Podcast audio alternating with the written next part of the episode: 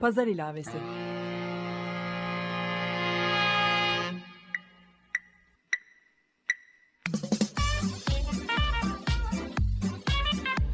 ...1936'dan günümüze 80 yıllık bir zaman tüneli. Hazırlayan ve sunan Didem Özbek.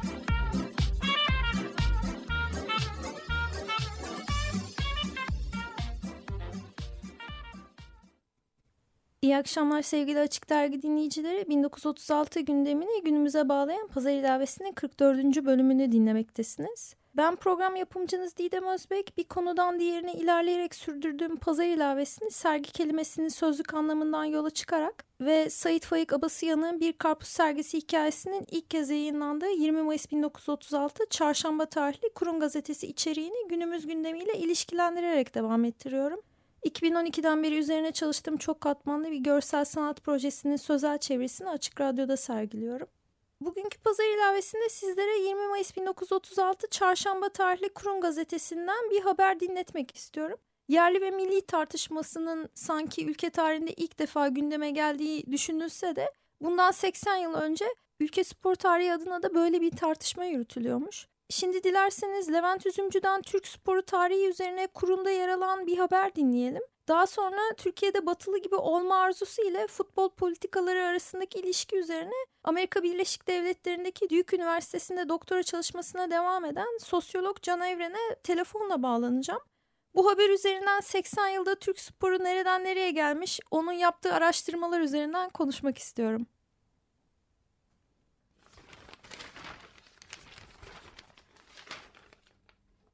Kurun İstanbul Çarşamba 20 Mayıs 1936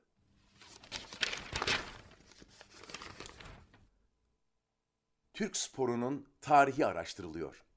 Bir heyet hazine-i evrakta tetkiklere başladı. Netice yakında alınacak.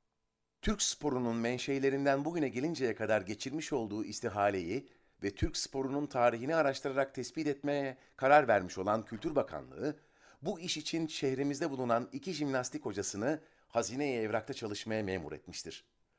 Uluköy Orta Mektebi jimnastik hocası Bay Adnan ile İstanbul Lisesi jimnastik hocası Bay İlhan, bakanlığın vermiş olduğu bu vazifeyi deruhte etmişler ve iki günden beri hazine-i evrak binasında meşgul olmaya başlamışlardır. Tetkik işinin çok uzun süreceği tahmin ediliyorsa da ilk neticenin tatil aylarında alınacağı ümit edilmektedir. Haber aldığımıza göre hazine evrakta bu bahsi tenvir edilebilecek birçok kıymetli vesikalar bulunmaktadır. Bu vesikalar bugün muhtelif milletler tarafından milli olarak benimsenmiş olan birçok sporların Türklerden alınmış olduğunu meydana çıkaracaktır. Tetkik işinin çok uzun süreceği tahmin ediliyorsa da ilk neticenin tatil aylarında alınacağı ümit edilmektedir. Haber aldığımıza göre hazine evrakta bu bahsi tenvir edebilecek birçok kıymetli vesikalar bulunmaktadır. Bu vesikalar bugün muhtelif milletler tarafından milli olarak benimsenmiş olan birçok sporların Türklerden alınmış olduğunu meydana çıkaracaktır.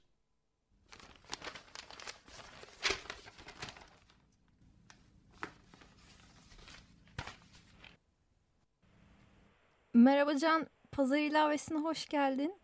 Merhaba, hoş bulduk.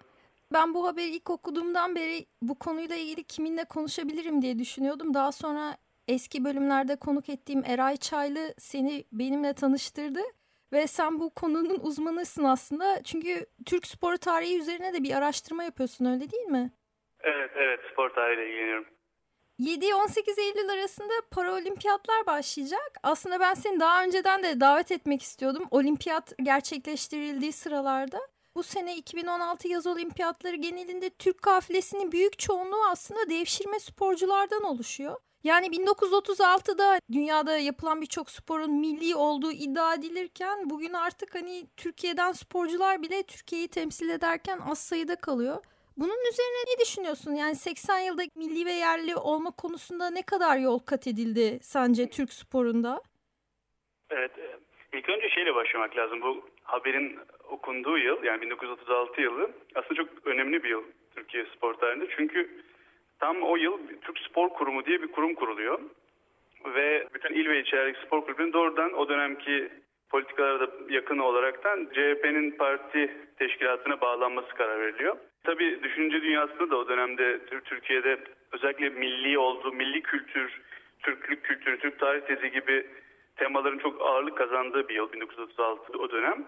Sanıyorum bu haber de bu Türk Spor Kurulu'nun kurulmasıyla bağlıdır. Ve aslında şunu söylemek lazım. O dönemde milli demek bir tür böyle Türk etnisitesiyle ilgili bir şeyi kanıtlamak anlamına geliyor. Ama bir yandan da tabii sporun bir vatandaşlık vazifesi olarak yeni kurulan bir ulus devletin vatandaşlık politikaları ve nüfus politikaları çerçevesinde bir beden terbiyesi meselesi olarak ele alındığı bir dönemden bahsediyoruz. Haberin geçtiği dönem. Ve tabii dediğim gibi bazı şeylerin de Orta Asya Türk kültüründen geldiğini kanıtlamaya dair bayağı fantazi çabalar da içeriyor zaman zaman. Şimdi olimpiyat kafilesinden bahsettin. Bugün birçok devşirme sporcu olduğundan. Evet. Burada da bir şey anlamak lazım. 1936 yılında olimpiyatlarda profesyonellik yasak. Sadece bu işi amatör olarak yani eski Türkçe'yi konuşuyor bir heves olarak yapan sporcuların katıldığı bir organizasyon olimpiyat. Aynı şekilde 1936'da Türkiye'nin spor teşkilatı yani Türkiye Spor Kurumu ya da daha sonra Beden Terbiyesi Genel Müdürlüğü gibi Türkiye'nin spor politikalarını belirleyen kurumlar genelde amatörlüğe vurgu yaparak kuruluyor ve sporun bir ticari araç olarak kurulmasından ziyade bir vatandaşlık politikası, bir beden terbiyesi, zaman zaman epey militarize, askeri perspektiflerle görülen bir beden terbiyesi politikası olarak yaklaşıldığı dönemler. Keza olimpiyat sporcuları da genelde parayla yani sözleşmeli sporcu olan insanlar değil. 80 yılda gelinen meseleyi anlamak için tabii dünyada sporun zaman içerisinde epey ticari bir yapıya dönüşmesini göz önünde bulmak lazım. Uluslararası Olimpiyat Komitesi yanılmıyorsam en son 1988'de veya 89'da hayatını meslek olarak spor yapan sporcuların olimpiyatlarını tamamen bütün engelleri kaldırdı ama 20. yüzyıl bunun adım adım bu engellerin adım adım kalktığı bir dönem. Ve dolayısıyla bütün dünyada sporun yani değişik branşlarda sporun profesyonel yapılmaya başlaması tabii sporcular gözden de bakmak lazım. Para kazanmak isteyen, yaptığı işte maddi şartların iyi olduğu yerlerde yaptığı mesleğini icra etmek isteyen bir sporcu kitlesi oluşuyor bütün dünyada. Ve tabi bu devşirme sporcu politikalarının temelinde böyle bir küresel eşitsizlik meselesi yazıyor. Diyelim mesela Etiyopya'da, Doğu Afrika'da mesela epey iyi uzun mesafe koşucuları var. Bazıları daha iyi para kazanmak için, daha iyi şartlarda yaşamak için daha ekonomik şartın daha iyi olduğu ülkelerin adına yarışmayı tercih ediyorlar. Keza Orta Asya, Kazakistan gibi yerlerden Türkiye'ye gelenler var. Mesela 1936'ya baktığımızda ticari ilişkilerin, para ilişkilerin çok daha zayıf olduğu, özellikle o futbol dışı branşlarda neredeyse hiç olmadığı bir dönemden bugün her branşta sponsorların, para teşviklerinin olduğu, iyi dereceye girmek için epey ciddi sponsor desteklerine ihtiyaç olan bir sporcu kitlesinden de bahsetmek lazım. Dolayısıyla aslında bu millilik iddiaları bugün hala var. Uluslararası Olimpiyat Komitesi milletler arası bir kurum. Yani her ülkenin kendi sporcularını kendi bayrağıyla temsil ettiği bir kurum olmakla birlikte epey ticari dinamiklerin güçlü olduğu bir dünya. Böyle olduğu zaman da kendi oyuncu yetiştirmesi çok başarılı olmayan yani bazı branşlarda ama sponsor desteği yaratabilen Türkiye gibi ülkeler giderek devşirme sporcu diyebileceğimiz politikalara daha sıcak bakıyorlar. Daha hızlı, kısa vadede sonuç alabilmek için diyelim. Peki sence olimpiyat madalyası almak o anlamda neden çok önemli? Bir de ülke genelinde şu kadar adet madalya alındı diye mesela Türkiye'de hep sayılıyor ya bu sene sanırım bir tane altın 2-3 evet. tane bronz işte gümüş madalya alındı. Hani toplama hep bakılıyor. Onun bir önemi var mı? Yine benzer bir şeyden bahsetmek lazım. Olimpiyatlar 1890'larda 1900'lerde başladıkları zaman genelde böyle bir sporcu ahlakının, bir egzersiz yapma, idman yapma ahlakının sergilendiği bir yer. Ama bir taraftan da farklı milletlerin bir araya geldiği zaman kim daha güçlü, kim daha hızlı koşabiliyor gibi milletler adına bir hikaye üretme alanı. Yani Türkler mi şunu yapabiliyor, İngilizler mi daha iyi gibi. Ve özellikle bu Soğuk Savaş döneminde diyelim en tepeye çıktığı dönem bu rekabetlerin işte Amerika Birleşik Devletleri'nin en çok altın toplayan ülke olduğunu gösterilmesi aynı zamanda tabii dünya lideri olduğunu, dünyanın en güçlü ülkesi olduğunu göstermesi dair bir sahne yaratıyor diyelim. Tabii dolayısıyla da özellikle son dönemi düşünürsek Türkiye'de tekrar bir dünya ülkesi olma, işte bir yarı imparatorluk haline gelme hevesleri besleyen bir ülke için olimpiyatlarda madalya toplamak eski dönemki beden terbiyesi, işte sporcu ahlakı, milli toplumun kendini daha güçlendirmesi gibi madalya alma hedefini daha öne koyuyor diyebiliriz belki. Peki sen bir sosyolog olarak Türk spor tarihi üzerine araştırma yapmaya nasıl karar verdin ve hangi zaman dilimi arasında çalışıyorsun? Hangi kaynaklardan besleniyorsun? Araştırmanı sadece Türkiye'de mi yapıyorsun? Bunun dünyada farklı referansları var mı? Biraz da ondan bahsedebilir misin? Tabii spor biraz spor heveslisi olmaktan geliyor. Spor araştırıyor olmak. Hem sosyal bilimci olmak hem spor hevesli olmaktan geliyor. Şu anda kendi araştırmamda daha çok futbola odaklanıyorum ben. Yani futbol üzerine bir araştırma yapıyorum. Futbolda özellikle 1950'lerde itibaren profesyonelleşmenin ortaya çıkması, ticari ilişkilerin öne çıkması süreçleri başlıyor. 1951'den itibaren Türkiye'ye futbola bir ayrıcalık tanınıyor. Mesela oyunculara paralı sözleşmeler sunulabilmesi adına. Ben aslında şu anda bir takım devlet arşivi kaynaklarından, dergilerden, gazetelerden, bazı sporcuların yazdıkları anı kitaplarından yararlanarak Türkiye'de bu savaş sonrası 10 yıllarda, 50'ler 60'larda bir taraftan ticarileşen, profesyonelleşen futbolun diğer tarafta beden terbiyesi politikaları yani sporu, bütün sporları bir arada, bütün spor branşlarını bir arada bir bakanlık kontrolüne bağlayan genel devlet politikasıyla hızla ticarileşen bir spor branşının arasındaki ilişkiyi inceliyorum şu anda mesela. Biraz bu ilk soruyu sonrasında bahsettiğim meselelere de bağlanıyor. Yani bir taraftan futbol özellikle sporun daha ticari, para için yapılan bir modele dönüşmesine çok öncülük ediyor. Yani dünyanın her yerinde bize özgü bir şey değil.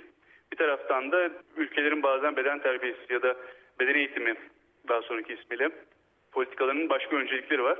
Ben biraz bu önceliklerin nasıl zaman zaman çatıştığını, zaman zaman nasıl bir arada işlediğini inceliyorum araştırmamda.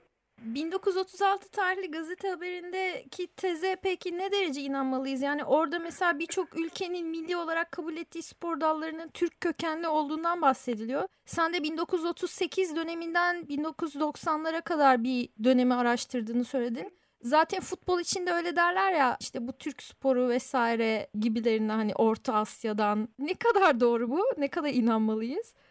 Tabii herhangi bir inandırıcılığı yok. Futbol için şöyle söyleyebilirim. Bu haber küpürün olduğu aynı yıllarda şöyle bir tez geliştiriliyor. Tepük diye tepmekten gelen yani ayakla topu tepmekten gelen bir sporun eski Türk kaynaklarında bulunduğu binlerce yıl önce daha İngilizler bu oyunu oynamadan önce Orta Asya Türklerin oynadığına dair böyle mesela 7 gün gazetesinde 1941'de yanılıyorum ben bir benzer bir tez görmüştüm. Böyle şeyler öne atılıyor. Tabii bunların inandırıcılığı yok. Çünkü bugün bütün sporların benzer formları belki insan topluluklarında hep görülmüştür. Yani dünyanın her yerinde ayakla topa vurulan ne bileyim topu bir çemberin içinden geçirmeye çalışılan. Fakat tabii bizim bugün futbol, basketbol diye bahsettiğimiz, voleybol diye bahsettiğimiz oyunların çoğu 1800'lerin sonunda genelde kuralları formalize edilmiş, standartlaştırılmış olan oyunlardan bahsediyoruz. Biz de bunların çoğu uluslararası federasyonlar tarafından belli standartlaşmalara tabi tutuluyor. 1930'larda Türkiye Cumhuriyeti'nin yani Ulus Devlet Polisi'nin şöyle bir çelişkisi var diyelim. Bir taraftan uluslararası dünyaya katılmak istiyor. Uluslararası dünyanın koyduğu kurallar, medeniyet kurallarıyla yaşamak ve onlarla rekabet etmek istiyor. Bir taraftan da kendi farklılığını, kültürel bir farklılık keşfetmek istiyor. İşte Türk tarih teyzeleri bunu Orta Asya'dan gelen bir takım eski tarihsel kökenlere bağlamak istiyor. O dönemde şunu da söylemek lazım. Ankara'daki bu devlet politikası, Türk Spor Kurumu, işte Türk Beden Terbiyesi Genel Müdürlüğü gibi kurumlar Ankara'da ve bakanlıkların altında kurumlar. Fakat futbol her zaman İstanbul merkezli. Hala bugün İstanbul merkezli spor. O dönem mesela önemli çelişkilerden biri de bu yani. Uluslararası dünyaya daha ilişkisi olan kesimler yani beynelmiler kurallarla oynayanlarla oyunu milli olarak tanımlamak isteyen bürokrat kesim arasında biraz bir çekişme, bir sürtüşme olduğunu söylemek mümkün aslında. Bence o haber küpünü böyle anlamak lazım. Yani işin inandırıcılığından ziyade o dönemin spor teşkilatının kuruluşu, spor politikanın kuruluşu gibi bir takım çelişkileri üstünü örtmek veya onlara başka türlü anlam vermek amacı gidiyor denebilir belki. O araştırma da ama İstanbul'da yapılıyormuş anladım. İstanbul Lisesi öğretmenlerinden diyor. Uludere Lisesi ya da okulu neresi bilmiyorum ama.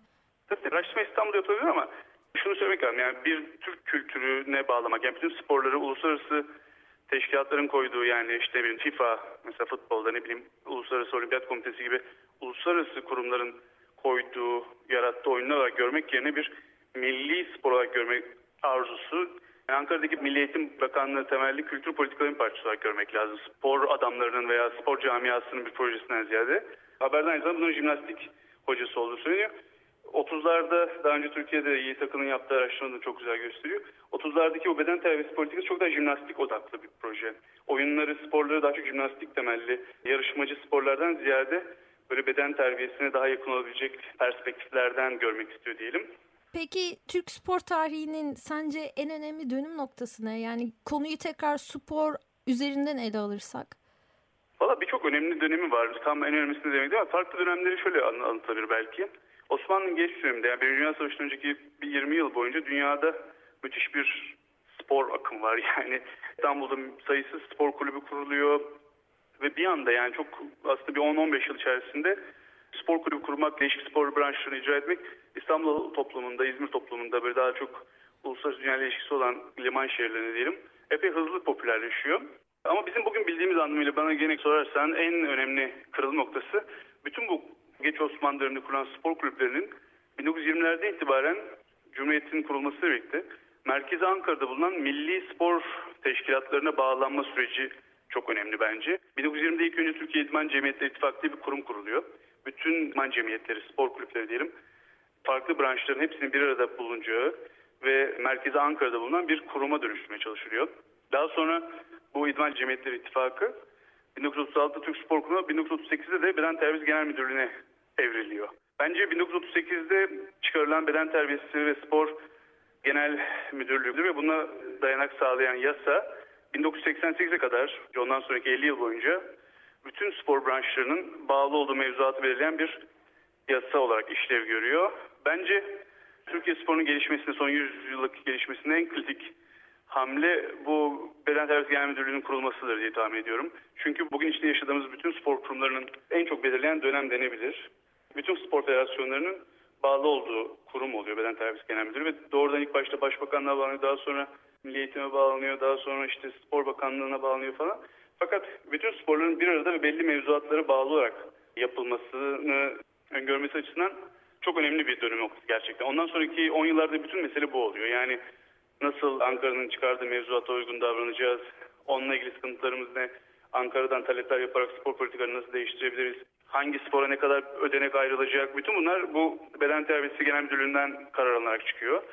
Ve dediğim gibi 50 yıl uzun bir süre, 50 yıl boyunca neredeyse hiç değişmeden belli değişiklikler dışında gerçekten bir istikrarla işliyor yani 1988'lere kadar. Daha sonra futbol bundan ayrılıyor, basketbol ayrılıyor falan. Bence güncel spor tarihimizin en önemli kararı ve ondan sonra şekillendiren olayı 1938'de kanun herhalde. Bu yönetimsel olarak dediğin şey aslında gerçekten Türk sporunun gelişiminde etkilemiş ya da bütün politikasını senin dediğin gibi. Onunla birlikte bütün bu süreçten yılları dikkate aldığımızda bir spor başarısı olarak futbolda Avrupa şampiyonluğu var sanırım. Dünya üçüncülüğü var. Ee, dünya üçüncülüğü var. Naim Süleymanoğlu'nu hatırlıyorum ben. Onun olimpiyat şampiyonluğu ki o da bir devşirme sporcuydu aslında. Atletizmle ilgili madalyalarla birlikte doping skandalları var yakın zamanda. Evet. Geçmişte bu kadar çok doping oluyor muydu? Onu açıkçası ben hatırlayamıyorum. Tabii doping çok karmaşık bir olay. Yani ben çok uzman değilim ama şöyle basitçe bahsetmek lazım. Yani doping Soğuk Savaş'ın zirvesinde Doğu Almanya, Sovyetler ve Batı blok arasındaki mücadelede icat edilen bir yöntem diyelim ve dünyaya çok hızlı yayılıyor. Çünkü uzun süre gizleniyor bunlar ve herkes kısa yoldan başarının yolunu buluyor denebilir. Yani doping çok karmaşık bir olay tabii ama Türkiye'de tam ne zaman girdi falan çok bilgim yok açıkçası. Ama özellikle atletizmde bazı sporlarda doping hala çok büyük bir gerçek. Türkiye çok istikrarlı bir şekilde güreşte başarılı oluyor. Başarılı olan sporlara mesela fon bulmak daha kolay olduğu için devlet politikaları zamanında da daha çok bütçe ayrıldığı için mesela güreşe epey eskiden büyük bütçe ayrıldığını söylemek lazım. Sadece de milli spor olduğu için Türkiye başarılı olmuyor. yani biraz siyasi tercihler, bütçelerin nasıl ayarlanabileceği de önemli sporda. Diğer organizasyonla birlikte olması gerekiyor tabii ki. Bunun bugün bütçesi müthiş, çok başarılı olmadığımız bir gerçek ama bir yandan da 2002'deki dünya üçüncülüğünü 90'lardan itibaren, 80'lerin sonundan itibaren futbola müthiş para girişi olduğunu unutmamak lazım. Yani çok da kendiliğinden böyle tesadüfi olmuyor başarılar. Özellikle dediğim gibi dünyanın her yerinde oldukça para yatırılan diğer ülkelerle yarışılıyor. Bu da bir gerçek tabii yani tesis işte antrenör her türlü imkan sporcuya o destekleri sağlamadığın sürece aslında madalya beklemek de biraz saçmalık. Bu her şey için geçerli diye düşünüyorum. Bazı kişilerin imkanlarıyla birlikte çalışma disiplini oluyor. Bazıları gerçekten hani çok daha zor koşullardan gelseler bile o çalışma disipliniyle benzer başarıyı sağlayabiliyorlar ama o ikisinin orantısı ters orantı herhalde. Hani eşit değil hiçbir zaman. Tabii yani şey demek de doğru değil. İşte parayı harcarsan başarı gelir demek doğru değil. Yani gerekli maddi şartların iyi bir organizasyonla, iyi bir spor kültürü artık bunu nasıl tanımlarız bilmiyorum ama hevesle, merakla ve aynı zamanda iyi kurumsal ilişkilerle, güvene dayalı, heveslendiren iyi antrenörlük ilişkileri falan desteklenmesi gerekiyor tabii. Yani kurumların bence kendi kararlarını alıp işletebildiği bir ortam olması lazım falan. O çok zor bir soru tabii. Sporda başarı ne getiriyor soru çok büyük bir soru. Herhalde şey şu söylemek lazım. Sporun toplumda karşılık bulması önemli şey. Yani toplumda insanların hevesle kalabalık sayılarda belli bir spor branşına yönelmesi en önemli şey. Yani bir, bir topluma durup dururken bir sporda da yatamazsınız. Ona dair bir heves veya merak yoksa. Çok doğru. Aynı detaylar toplumun sanata olan ilgisinde de kendini gösteriyor. Ben bu radyo programını 2012'den beri sürdürdüğüm bir sanat projesinin devamı olarak gerçekleştiriyorum. Ve o dönemde şike davası başlamıştı. Zaman içinde uluslararası anlamda da işte FIFA'nın sanırım üst düzey yöneticileri tutuklandı vesaire. Bunlar hakkında ne düşünüyorsun? Genelde hani sporda başarı yönetimsel olarak da dopingle birlikte şike de işin içine giriyor. Ne düşünüyorsun bu konuda? Olmazsa olmaz mı? yani çok zor bir soru gerçekten. Çünkü bir taraftan Türkiye özgü sorunlar da değil bunlar. Dünyanın birçok yerinde olan sorunlar. Yani bir kere hep aynı yere dönüyoruz ama sporun çok büyük bir endüstriyelde geldiği gerçeği unutmamak lazım. Mesela FIFA skandalından bahsettim. FIFA skandalının özünde mesela Dünya Kupalarının hangi ülkeye verileceğini manipüle edip edilmediği sorusu var. Ve Dünya Kupası'nın bir ülkede yapılması hem siyasi prestij olarak bazen işte o ülkenin ekonomik kalkınma politikaları çerçevesinde doğrudan sporla ilişkisi olmayan bir sürü faktöre bağlanmış durumda spor organizasyonları, spor başarıları. FIFA mesela müthiş büyük sponsorlukları olan müthiş bir para miktarının döndüğü bir kurum aynı zamanda. E şimdi böyle olduğu zaman tabii buna bir takım şeffaflık, bir takım hesap verilebilirlik gibi diğer mekanizmaların eşlik etmesi gerekiyor. Bu Türkiye Futbol Federasyonu ve Türkiye kulüpleri için de geçerli. Bugün aynı benzer sorular Türkiye'de yaşanıyor. Yani inanılmaz paralar dönmeye başladı fakat kulüpler mesela alıp verdikleri paraların hesabını tutuyorlar mı tutmuyorlar mı belli değil. Bunlar şikeye mi gidiyor, işte yöneticilerin cebine mi gidiyor, menajerlere ekstra olarak mı gidiyor? Hep bir kaygı var. Çünkü şeffaflık ve hesap verilik yok. Ya da paralar çarçur mu ediliyor, hesapsız kitapsız. Kimin parası bunlar? Sonuçta bir yerden gidiyor paralar. Aslında dünyanın her yerinde ve Türkiye'de eden böyle bir sorun var. 20. yüzyılın ikinci yarısına itibaren müthiş bir ticari büyüme ama buna eşlik edecek kurumsal yapıların ne olduğuna dair bir belirsizlik yani. Çok karmaşık bir mesele gerçekten. Hem şike için bu hem de işte bu tip e, daha yolsuzluk gibi yani rüşvet, para kaçırma, bir tarafa para aktarma gibi bir sürü ayağı var bunun. Doping gibi yani bunlar nasıl denetleneceğine dair çok büyük bir hukuki soruna dönüşüyor. Konuların bazıları Türkiye özgü, bazıları Türkiye'yi çok aşan sorunlar gerçekten. Son olarak sana şunu sormak istiyorum. Araştırman sırasında karşına çıkan ilginç neler oluyor? Mesela hani bu eskiden gene olimpiyatlarda diyelim ki farklı ülkelerde insanlar sığınmacı olarak işte o ülkeye iltica ederler vesaire. Senin Türk sporu adına yaptığın araştırmada bu tip istihbarati şeyler hiç karşına çıktı mı? Benim böyle istihbarat bir şey çıkmadı ama çok hoşuma giden bir detay çıkıyor karşıma onu anlatayım. Yani zaman zaman benim çok ilgimi çeken. O da sporun aslında diplomasiyle ilişkisi. Özellikle Soğuk Savaş döneminde ve yani 2. Dünya Savaşı'ndan sonraki dönemde. Mesela benim çok ilgimi çeken bir şey 1964'ten itibaren Batı Almanya kendini biraz böyle yeni dünyada yeni bir ülke olarak kanıtlama çabasında aynı zamanda işte Almanya'nın batı tarafının Batı bloğunun temsilcisi olması açısından bir program başladı. Bütün dünyaya parasını kendi verdiği antrenörler yollamaya çalışıyor. Spor antrenörleri. Üçüncü dünya ülkelerinde özellikle Afrika ülkelerinde, bazı Karayip ülkelerinde ve dünyanın birçok yerine devlet politikası olarak spor antrenörü yolluyorlar ki kültürel nüfuz yaratabilmek için. Yani orada Batı Almanya'nın ne kadar başarılı, ne kadar saygın bir ülke olduğunu kanıtlamak için. Ve bu aslında ilginç bir şey. Yani Soğuk Savaş dönemi Türkiye ile bağımlı değil ama bağlıyor ama ilginç bir hikaye. Şöyle bir anekdot okumuştum. Bir gün bir Alman antrenör işte Zimbabwe'de çalışırken Batı Almanya dışişlerinden bir telefon alıyor. Eşyalarını topla Tunus'a gidiyorsun diyorlar adama. Ne oldu nedir durum falan diye soruyor adam. İstihbarat aldık. Doğu Almanlar bütün masraflarını karşılıklı bir antrenörü Tunus'a yollamak üzereler.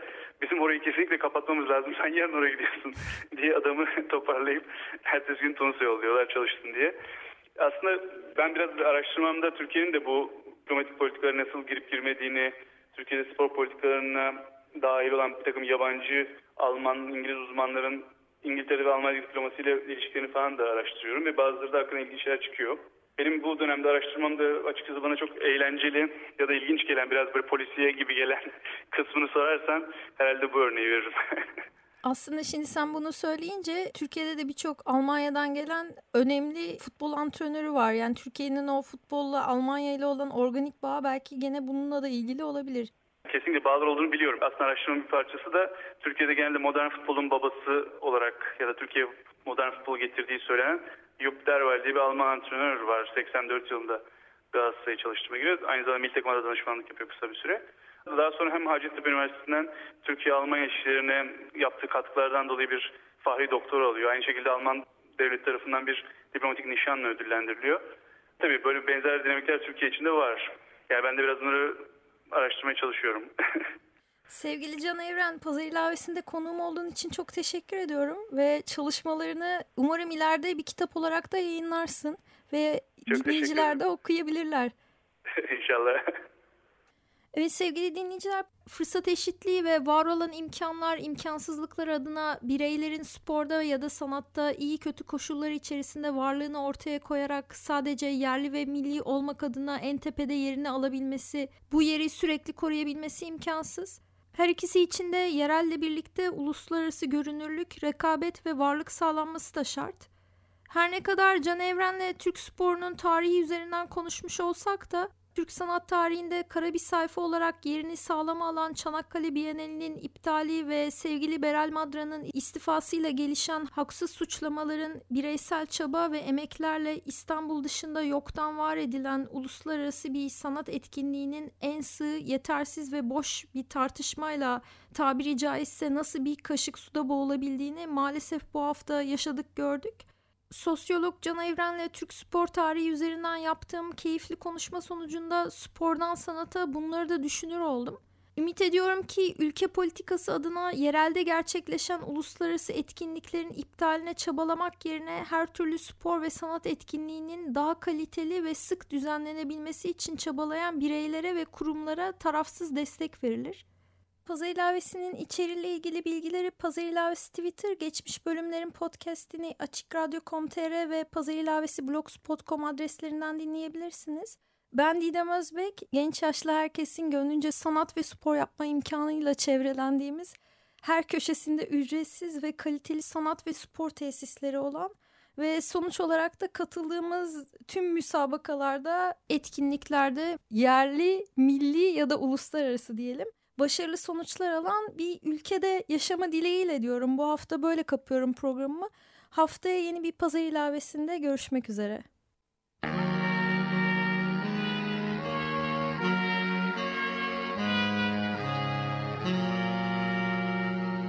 Pazar ilavesi.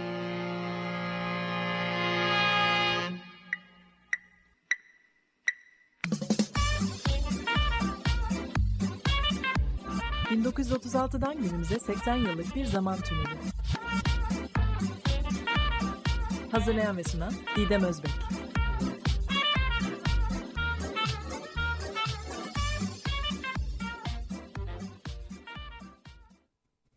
Açık Radyo program destekçisi olun. Bir veya daha fazla programa destek olmak için 212 alan koduyla 343 41 41.